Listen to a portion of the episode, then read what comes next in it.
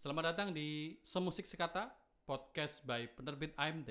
Dengan saya Andri Widyasmara dan saya kedatangan tamu yaitu Rangga Purnama Aji. Halo Mas Rangga. Halo Mas Andre, halo. Weh, ya, kita ketemu lagi ya. Yoi. Udah lama nih kita nggak ketemu.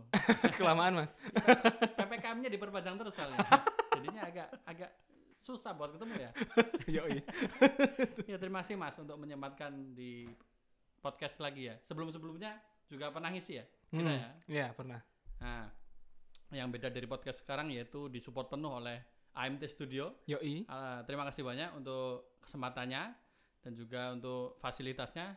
Kita sangat berterima kasih untuk menjadikan podcast ini lebih ini ya, lebih mendingan lah ya Iya, mendingan oh, bener. Bener banget. sebelum-sebelumnya. Secara kualitas audio. Ah, ah, iya. Eh, pendengar yang setia, kita akan membahas suatu tema bahasan yang tentu tidak jauh dari bahasan musik, yaitu eh, kita pikir-pikir-pikir-pikir, terus kita menemukan satu titik dan juga ini momentum juga untuk menyongsong suatu acara ternyata dan nanti akan dijelaskan langsung oleh program direkturnya itu Rangga. Nah ini kita akan membahas tentang delivery mechanism. Mekanisme ya. Wah apa itu? Asing sekali di telinga saya. Jadi sebenarnya ini delivery mechanism itu diambil sebagai tema uh, sebuah ag- agenda uh, agenda October Meeting Contemporary Hmm. Music and Musicians di tahun 2021 ini Mm-mm. yang kurang lebih ini dicetuskan oleh uh, direktur artistiknya sendiri yaitu Mas Oh, Gatot Danar gitu. Sulistianto. Terus juga apa? Hmm. eh mengenai delivery mechanism itu Mm-mm. dia sebenarnya adalah sebagai sebuah respon terhadap perkembangan seni hari ini Hmm. yang memiliki kecenderungan cair dalam pilihan ruang presentasi dan juga medium artistiknya. Oke oke oke. Nah, memang kan tidak lagi layak untuk dibatasi secara kategori hari ini Hmm. ya. Namun dari sini lebih menjanjikan untuk dicermati dari sisi modus kiriman pesan artistik. Modus kiriman pesan artistik. Ya, Oke oke. Jadi memahami modus kiriman pesan artistik itu merupakan perangkat untuk dapat berinteraksi dengan ide artistik.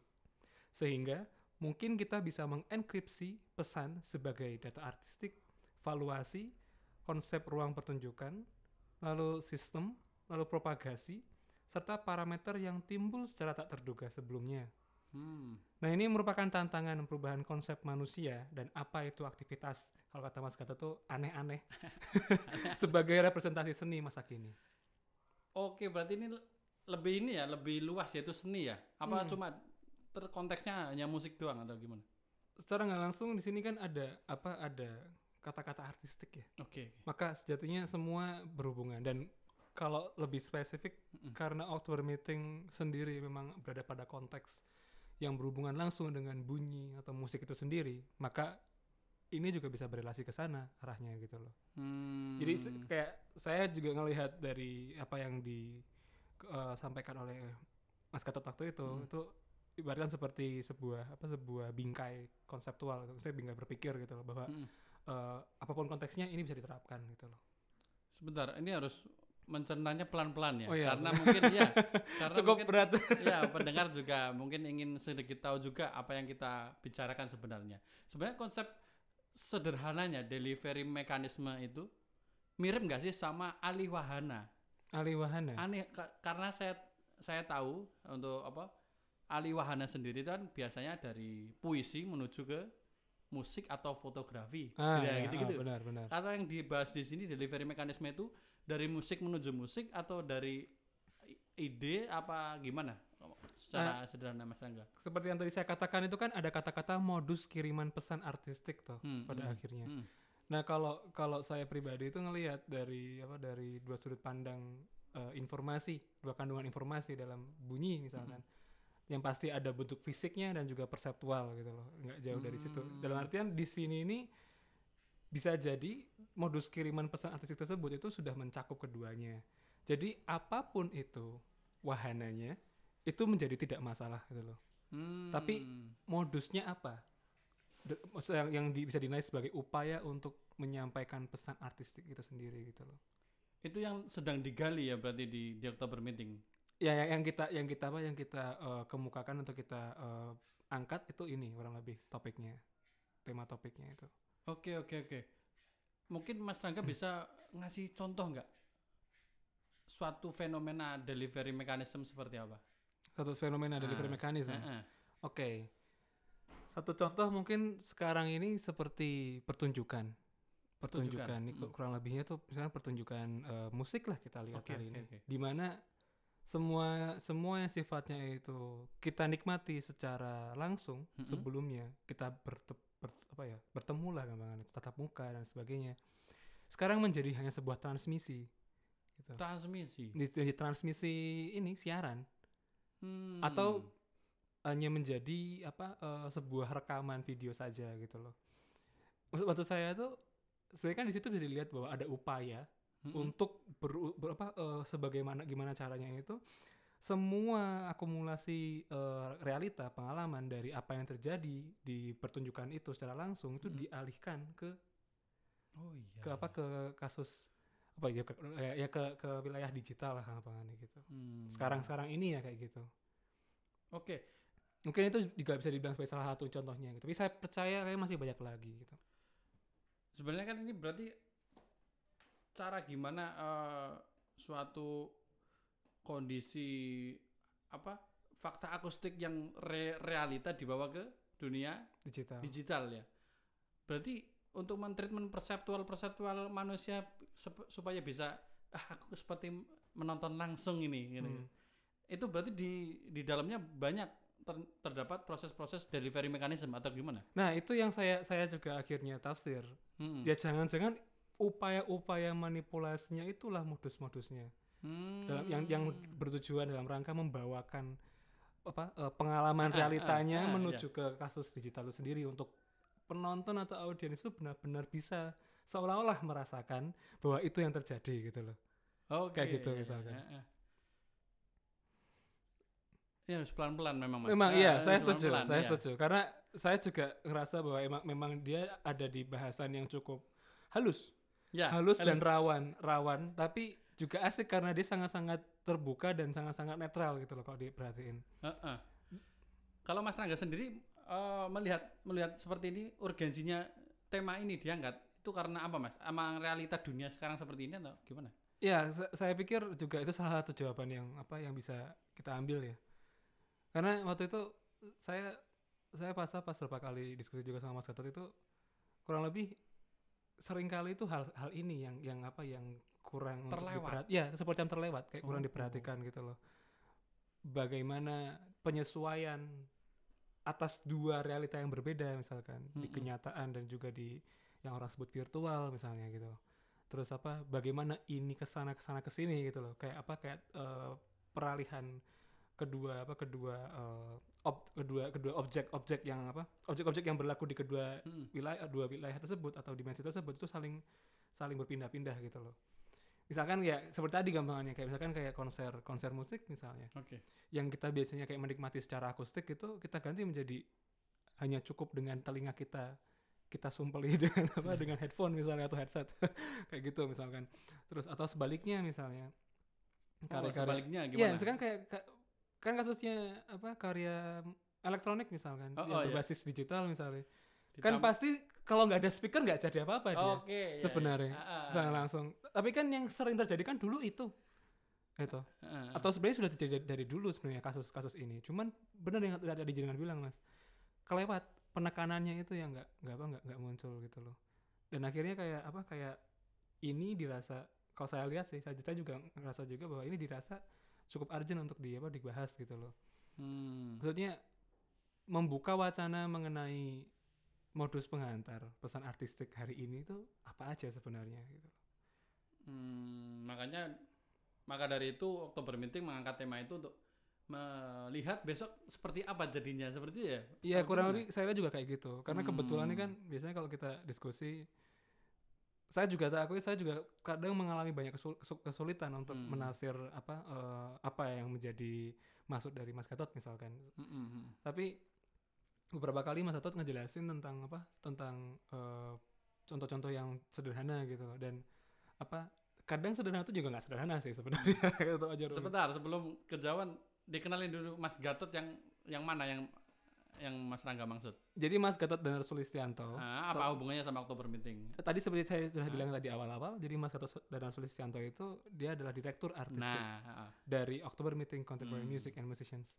Dan apa dan eh, dia udah udah apa udah ada di eh, October Meeting sejak 2016 dari mulai awal-awalnya ini di apa dimulai gitu Mm-mm. dulu dulu. oke oke lanjut. gitu kurang lebih. Nah, jadi apa? eh intinya yang saya lihat tuh pembacaan pembacaan dan kemunculan tema-tema yang ada di Outer Meeting sekaligus yang sekarang gitu. Mm, Semua sering kali punya relasi langsung dengan bunyi itu sendiri gitu. mm, Tet- tetapi terkadang yang mengasihkan itu dia bisa ditarik ke mana pun, dikasih ke mana pun gitu loh. Jadi apa pun objeknya gitu, dia bisa dibaca juga dengan dengan apa? dengan pembacaan dari tema-tema yang dimunculkan. Nah sekarang kayak delivery mechanism misalkan, mm, kasusnya aural atau bunyi misalnya atau musik sendiri kan jelas ya kelihatan gitu loh. Warna pun bisa berurusan dengan itu kan sebenarnya. Visual pun bisa berurusan Iya, dengan itu iya, gitu loh. ah, makanya itu.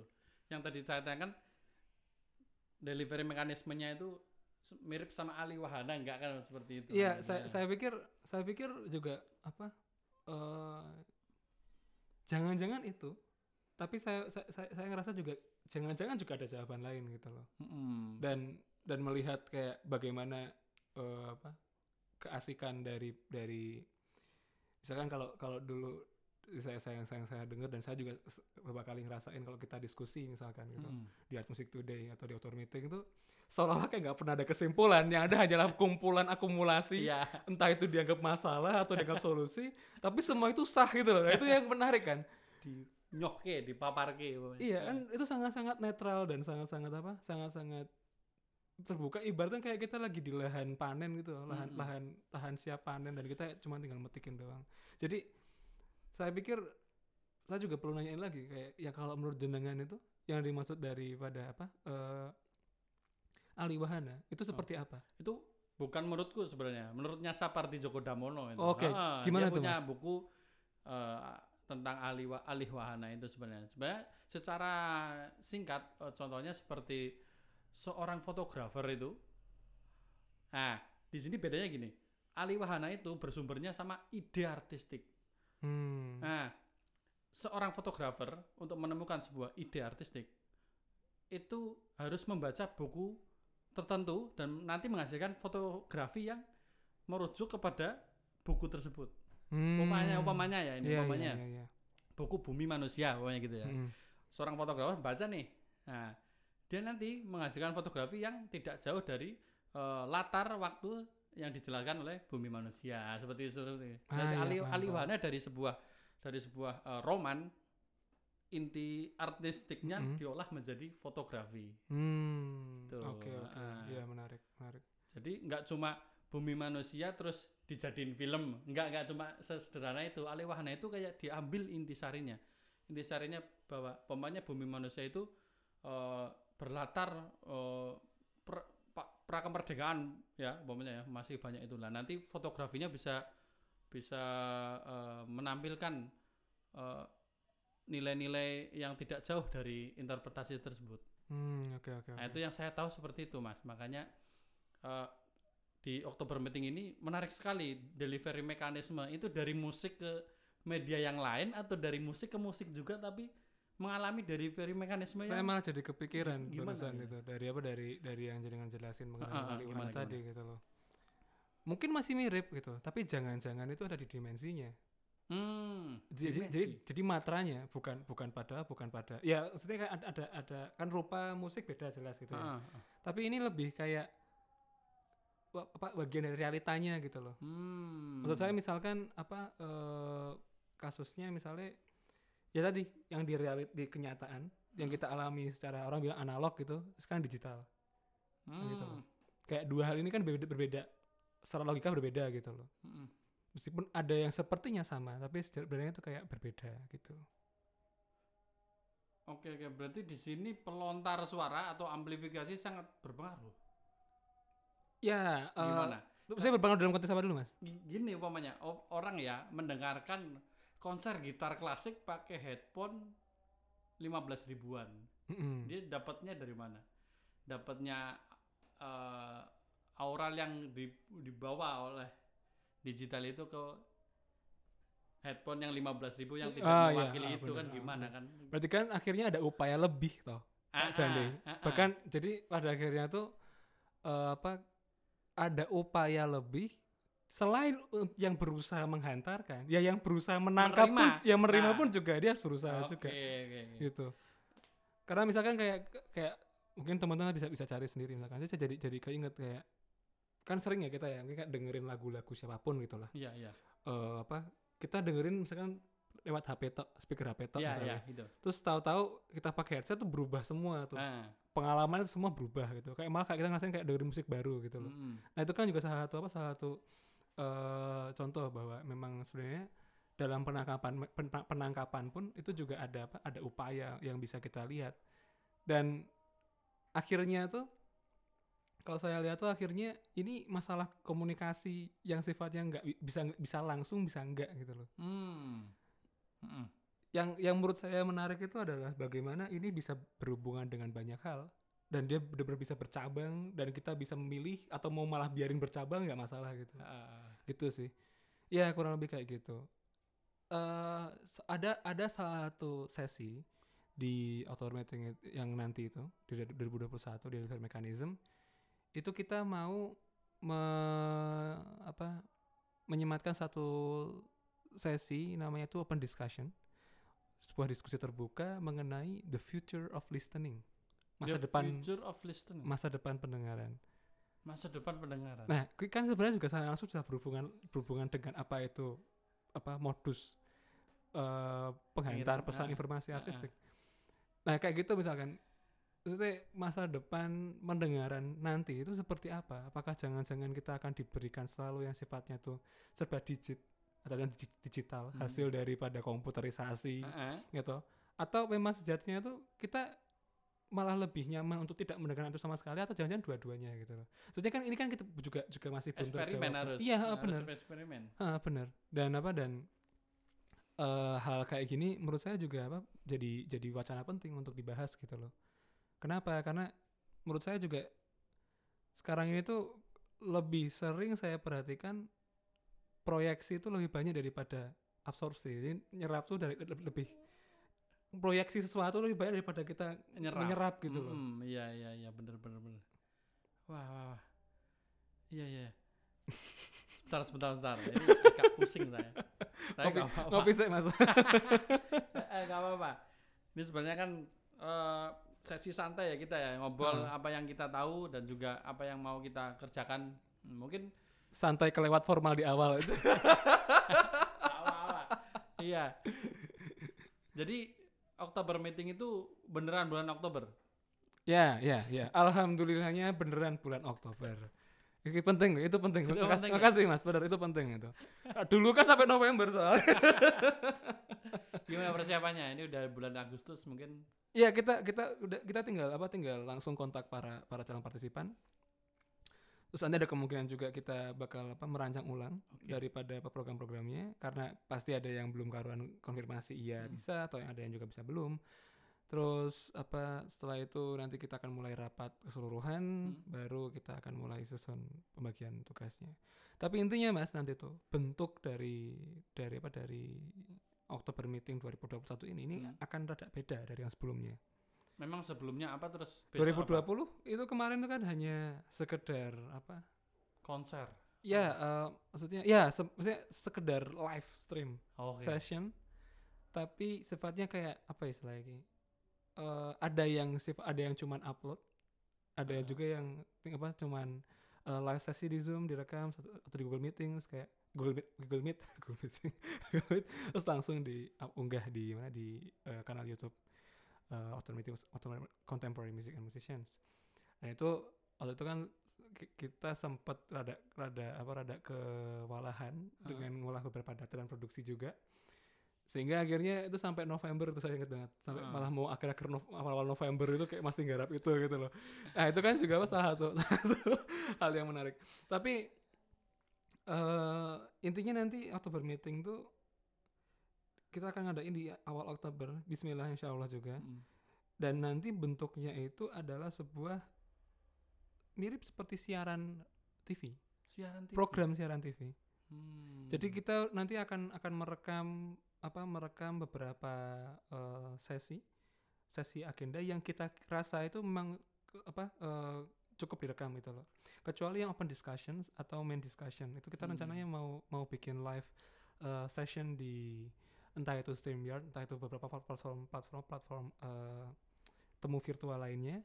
Sekaligus itu nanti di live streamkan di YouTube dan insya Allah di Instagram sekalian. Jadi semua teman-teman bisa ngelihat gitu loh. Hmm. Nah, di sisi yang lain juga itu program-program tersebut nanti akan dikumpulkan menjadi beberapa paket. Hmm. Dalam artian paket itu ada paket siaran sekian, terus apa? Terus nanti ketika apa? Ketika misalkan katakanlah kita punya 6 jam durasi Iya. untuk satu paket, Hmm. terus 6 jam berikutnya itu paket pak- pak- paket lain juga tapi dari varian program-program udah udah kita rancang gitu. loh. Jadi dari misalkan 14 program kita bagi jadi tiga paket Hmm. gitu modelnya dan apa eh untuk apa istilahnya untuk untuk sesi dari dari si streamingnya itu itu kemungkinan kita akan bakal biarin aja itu on terus Hmm. sampai sekian apa jadi Rally sekian ya berarti ya. Ya jadi misalkan kayak tiga paket nih mas, misalkan tiga paket itu kita nanti dari paket pertama, kedua, ketiga selesai, itu akan diulang lagi jadi paket satu, dua, tiga, Hmm. jadi satu, dua, tiga itu terus. Misalkan sama tiga hari nonstop atau satu hari nonstop misalkan gitu. Hmm. Itu kita kita kita apa rencana seperti itu. Saya sempat diskusi sama Mas Gatot mengenai ini kan waktu itu, Mas Gatot Danar ya. Dan apa dan alasan kenapa melakukan itu, dan Mas Gatot mengatakan bahwa karena ini dirasa nyaman gitu loh. Saya nyaman dan juga pas pas bagaimana nampung sekian banyak arsip Oktober Meeting dari 2016 Iya. sampai sekarang gitu kan. Itu semua belum belum belum ketahuan konangan tuh. Belum ada agenda-agenda lain di luar itu dan sifatnya Hmm. kecil gitu loh. Hmm. Percilan-percilan yang lain misalkan seperti sesi dengar dulu misalnya atau eh, apa kelas-kelas yang dibuka sama Oktober Meeting atau kita pernah juga punya program apa eh arsip pengarsipan. Kita pernah mengunggah karya almarhum Pak Samad Bersyukur terus karya al- almarhum Vincent McDermott juga ada kita sempat eh, unggah juga di YouTube gitu. Kan nggak semua orang mendengarkan dan kita rasakan beberapa karya tersebut termasuk penting gitu loh. Hmm. nah itu yang yang kita lihat bahwa sepertinya ini lebih lebih pas. Karena nanti ketika ketika nonton itu penonton bisa memilih gitu loh. Hmm. kapan mereka ingin nonton dan kapan apa man- mana aja yang mereka mau mau mau tahu gitu loh. Oke, di sini setelah saya mendengarkan pemaparan Mas Rangga jadi terbesit ya sebenarnya ya. Oktober Meeting itu sebenarnya goalsnya apa? Apakah dia hanya sebuah festival menu- menunjukkan musik kontemporer atau lebih dari itu? Kalau saya tadi dari tadi kok ada pengarsipan, ada sesi dengar dan Hmm, sebagainya. ya, ya, ya, ya. Ini sebenarnya Oktober Meeting itu goalsnya lebih ke apa, Mas Rangga? pertemuan mas jadi mau agenda tuh iya benar kan Oke. Ada. maksudnya ya itu yang yang saya yang saya sempat pertemuan. sempat dikasih tahu saya tapi tapi kalau mau lebih lebih detail tuh Heeh. ini ini ya jadi ya saya juga udah- kebingungan buat mengatakan secara sederhana ya Iya, iya. mungkin nanti Soalnya ini unik. tapi gini ini beneran eh, unik. gini. Aku sampai ini saya beberapa kali nanya ini sebenarnya mas Heeh. beberapa kali nanya ini kayak eh ke mas Gatot misalkan mas dengan bahasa Jawa tentunya ya kayak, mas jane iki outdoor meeting iki apa toh terus ngopo kok ono iki ono iki? Terus kayak sebenarnya apa sih outdoor meeting itu kenapa ada Mm. ini ini ini ini? Gitu. Dulu pernah dia jawab tuh ya jane mau pertemuan sing dilalah ono musiknya Jadi unsur utamanya pertemuan tapi tapi setelah itu sempat konfirmasi lagi bahwa ternyata memang sebuah ruang temu untuk silih konfirmasi, diskusi, Hmm. membuat akumulasi, membuka wacana, membuka keseluruhan. Dan kalau mau disimpulkan itu memang sejatinya kita ini berada pada wilayah konsentrat. Ini kata Mas Gatot itu sendiri gitu ya. Hmm. Maksudnya apa eh, kalau kata Mas Gatot sendiri itu konsentrat. Dalam artian konsentrat itu apa istilahnya? Jadi Apa? apa ya istilahnya kok? Kita kayak sem- semacam tidak tidak berpo, tidak berporos. Tidak berporos. Kita hanya hanya apa? Hanya menjadi menjadi ya menjadi eh, pemicu Hmm. pemicu dari dari dari dari apa dari be- beberapa hal wacana atau apa pun itu yang akan kemungkinan muncul gitu loh atau bisa dikembangkan masing-masing.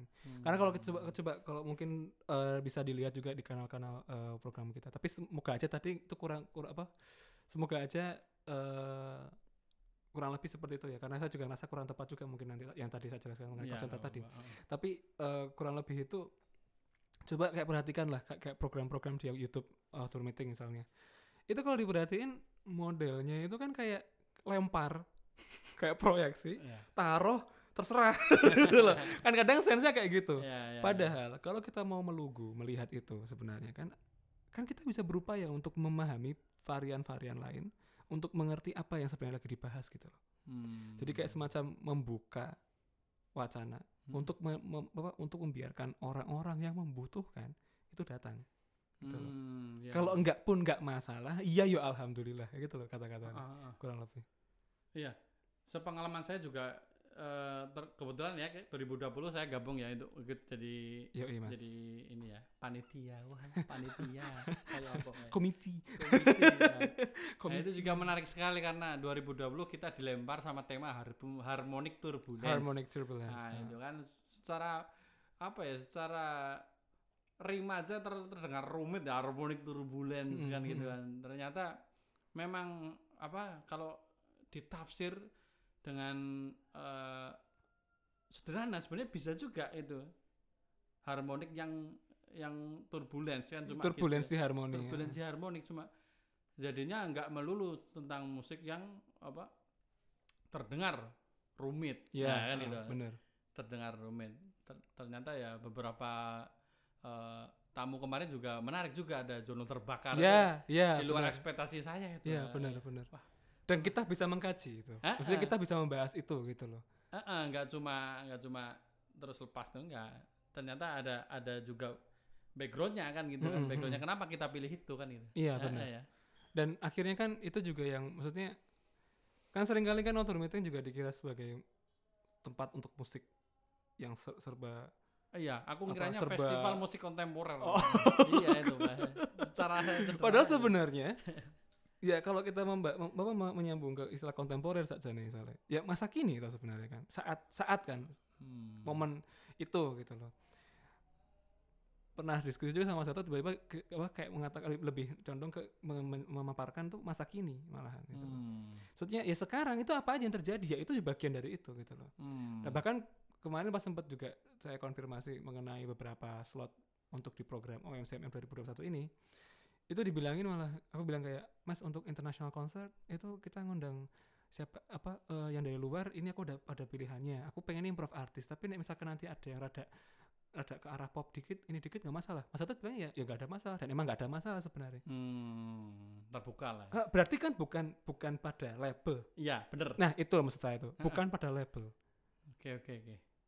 Bukan hanya sematan label doang, tapi enggak lebih dari itu, Mm-mm. lebih dalam dari itu.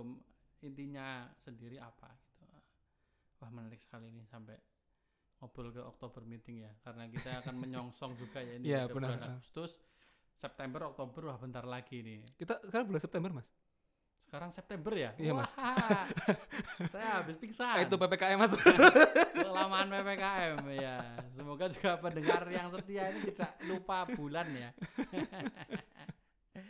Wah gimana? Seru seru seru. Mungkin ada tambahan lain mas? Kalau nggak ada kita akhiri aja. ya intinya besok ini untuk Oktober Meeting bisa disaksikan langsung melalui kanal kanal-kanal sosial media Oktober Meeting ya tapi yang paling jelas tuh ya YouTube Oktober Meeting gitu Hmm. terus apa eh, nanti kita rencana juga bakal bakal eh, kolaborasi dengan teman-teman dari Latency Music Concert dari itu yang di- dibangun sama eh, teman-teman paguyuban algoritm Indonesia dan Mm-mm. juga eh, Mm-mm. proyek Tomutar dari Peru Hmm. itu, itu besok nanti sama Outdoor Meeting Ensemble akan mengadakan kolaborasi Wah, itu rencananya secara virtual untuk membuat sebuah karya artistik lah intinya Hmm.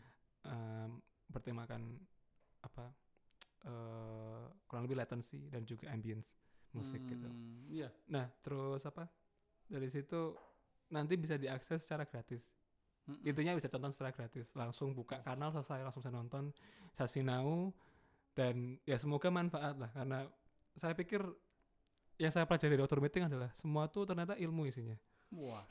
Kalau Itu- lamar diku daging semua. Oh iya. Diku daging semua. ya. Tapi di ilmu ya bukan daging. Oh, ilmu semua benar. Ilmu semua. Oke oke.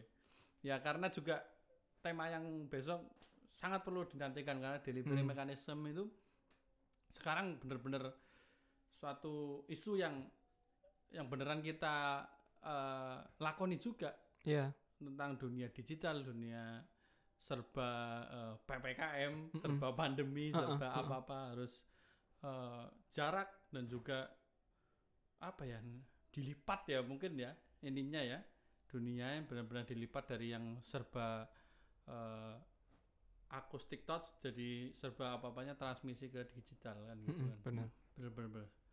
Oke, terima kasih untuk Mas Rangga Purnamaji sebagai Mas. program direktur Sama-sama. Oktober Oktober Meeting. Oktober muring. Oktober meeting. OMC angel jenenge. OMCM aja mas. OFCMM. Oke, udah berkenan untuk saya ajak ngobrol ya. Iya, saya juga makasih banyak dan juga mungkin minta maaf juga apabila ada salah kata dan khilaf. Eh, eh.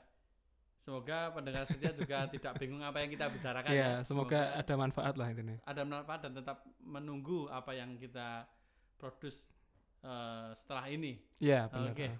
Terima Gitu. kasih untuk eh, perhatiannya. Kita ketemu lagi di Semusik Sekata yang selanjutnya. Saya akhiri. Wassalamualaikum warahmatullahi wabarakatuh.